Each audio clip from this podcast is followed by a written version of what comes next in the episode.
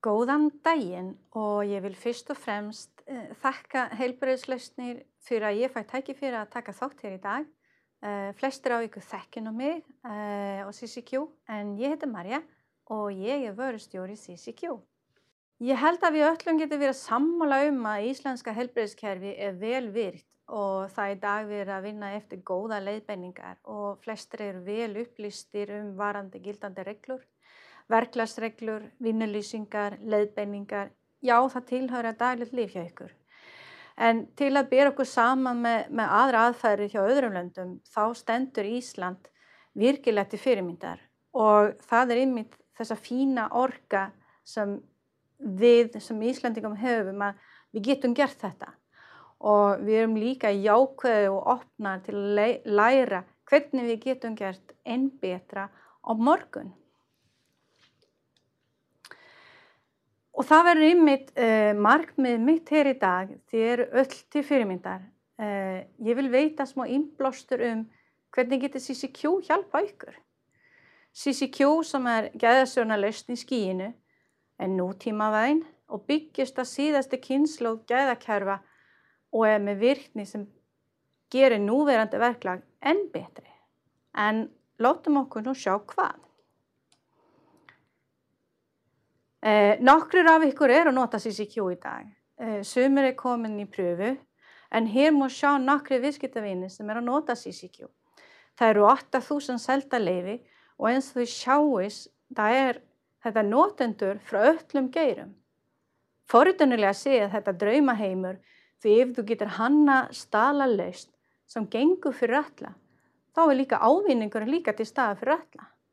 Að halda utan um sérskriftir Já, það er oftast martröð fyrir forrítarinn. NCCQ, sem stendur fyrir Cloud Compliance and Quality, er notendavæn gæðastjórnarlausn í skíinu sem er fáanleg í mánæli áskrift. Kerfi tryggjaskjala festingu og hlýtingu við kröfur eins og til dæmis ISO, GDPR, jafnlaunakerfi en að sjálfsögðu líka aðra stala lög og reglugerir. Og ég heyri frá núverandi nótendur að upplifin sé nútímaleg og nótendavæn laust sem hægt er að nota hvort sem það er tölvu, spjaltölvu eða snjálfsíma. CCQ sem er hanna frá grunni á Origo byggist á 25 ára reynslu í þróun hugbúna eða geðastjórnum og stendur á mismunandi einingum. Við skráum ferla og allt verklega til dæmis í geðanbókina öll hugbunarkerfi og eignir í, í eignarskrána og í áhættustjórnum það getum við mita þeim áhættur sem tengist okkur verklaði. Við getum vinna með ábendingar þar sem starfsfólk sendir inn ábendingum með hvað sem má betur fara og í hefnustjórnum það getum við þjálfa okkur starfsfólk. En flesta þekka þetta, en það ekki. Og mjög margir á ykkur er með ótrúlega mikið skjölum Suma ykkur er með kannski 10.000 skjöl og þá er ymitt málinn. Hvar eru skjölinn mín? Það sem við hefum gert með CCQ er að við hefum búin að hanna lesborð. Þetta er íngangurinn í kerfi og er aðlagat út frá notendan og hvaða hlutverk sem ég er á sinna. Hér má sjá til dæmis eh, stjórnenda lesborð sem er bara, vil fá púlsun yfir hvernig gengur reksturinn hvað erum við búin að fá marga ábendingar, hvernig gengum við innan við skjölinn, hvernig gengum við innan hvað getur pér og svo framvis. En svo er þetta umsjónamennin sem er í kongulóin í nétinu sem þarf að vita miklu meira. Hvaða skjöl er komin á endurskóin, hvaða skjöl býða mín samþyggi, hvað skjöl á að gefa út, hvaða ábendingar er ég að vinna með, hvaða frávík eða áhættur og svo framvis. Þannig að lesborið hjá umsjónamennin eru miklu, miklu stærri. En svo er þetta einmitt starfsmæðurinn sem þarf fljótt finna sínar upplýsingar. Það er ekki tími til að fara inn í stort kerfi og leita longa leðina eftir það verklag sem hann þarf að vinna eftir. Hér getur starfsmæðin vinna bara með sín skjöl, bara beinti símanum.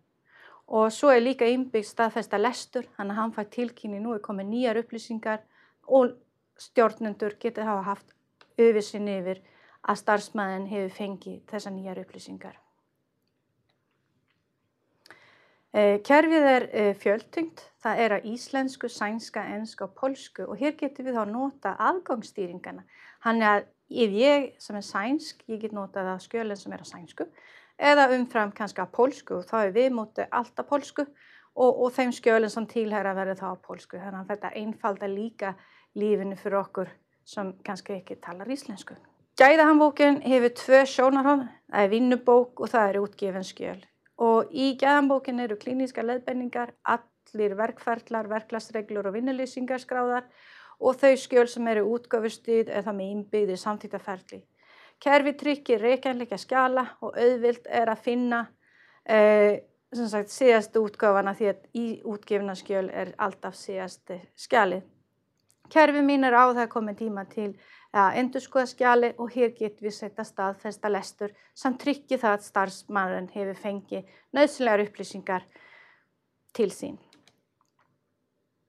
Það er auðveld að leita í CCQ, eh, við getum vinna eftir lesbar okkar, við erum með síur, við erum með sjónarhótt og svo er líka innbyggd leit í kerfinu. Og svo er þetta með staðfesta lestur og sérstaklega í tímum eins og í COVID-tímum þar kemur kannski nýjar upplýsingar á hverjum degi. Við viljum vera fullvis að starfsmæðin teika til sig sína nýjar upplýsingar. Þess vegna getum við nota þetta staðfesta lestur. Umleið skjali gefur út, hann fær tilkynningi í símanum og hann fær rauðan takka það sem hann staðfesti lestur. Umsjónamennin þau fylgir það með, er búin að staðfesta lestur er ekki og ég veit til dæmis eina viðskiptavinn hjá mér Hún eh, satte vaktarinn að stað. Ef starfsmæðin var ekki búin að lesa skjali innan við dag þá var, var vaktarinn farið í gang. Og ef eftir tvo daga var ekki búin að staðfesta lestu þá bara ringti við komandi en mann hafði fullan stjórn yfir að starfsmennin virkilega hefur fengið síðastu upplýsingar. En skjölinn sjálf, við getum vinna með texti, við getum vinna með myndir, við getum vinna með viðhengi, myndskeið og svo framvis og hér hér ég líka frá núverenda notendur að þau upplifa þetta sem notendavænt.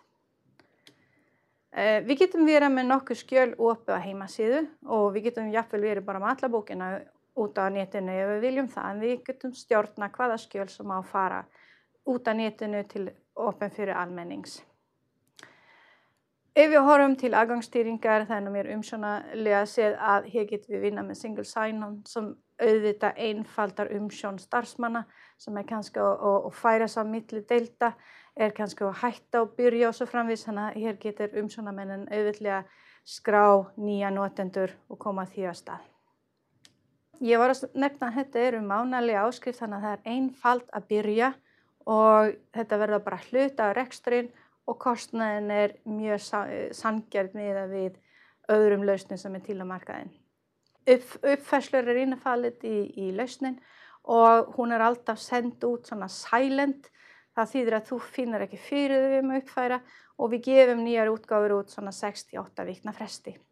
Eh, það er hægt að fá 30 dagar pröfu og við bjóðum að sjálfsögðu upp á, á notenda aðstóð og rákjöf tengdri við innleðingu á gæðakerfi.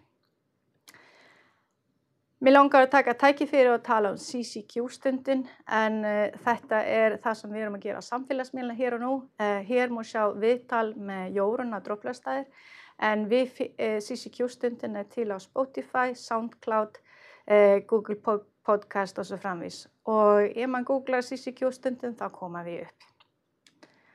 Og svo að loknum, það er hægt að fá 30 dagar pröfu. Þá getur þið farið inn á origo.is og undir lausnir finnum við CCQ og það getur í fyrsta lagi lesa ykkur til um lausnin, þið getur hérna að horfa myndskeið og svo getur það skrá ykkur það fyrir pröfu. Hanna ég takka kella fyrir og að þið hafið hlusta mig í dag og ég vona að ég heyri frá ykkur bráðum. Takk fyrir.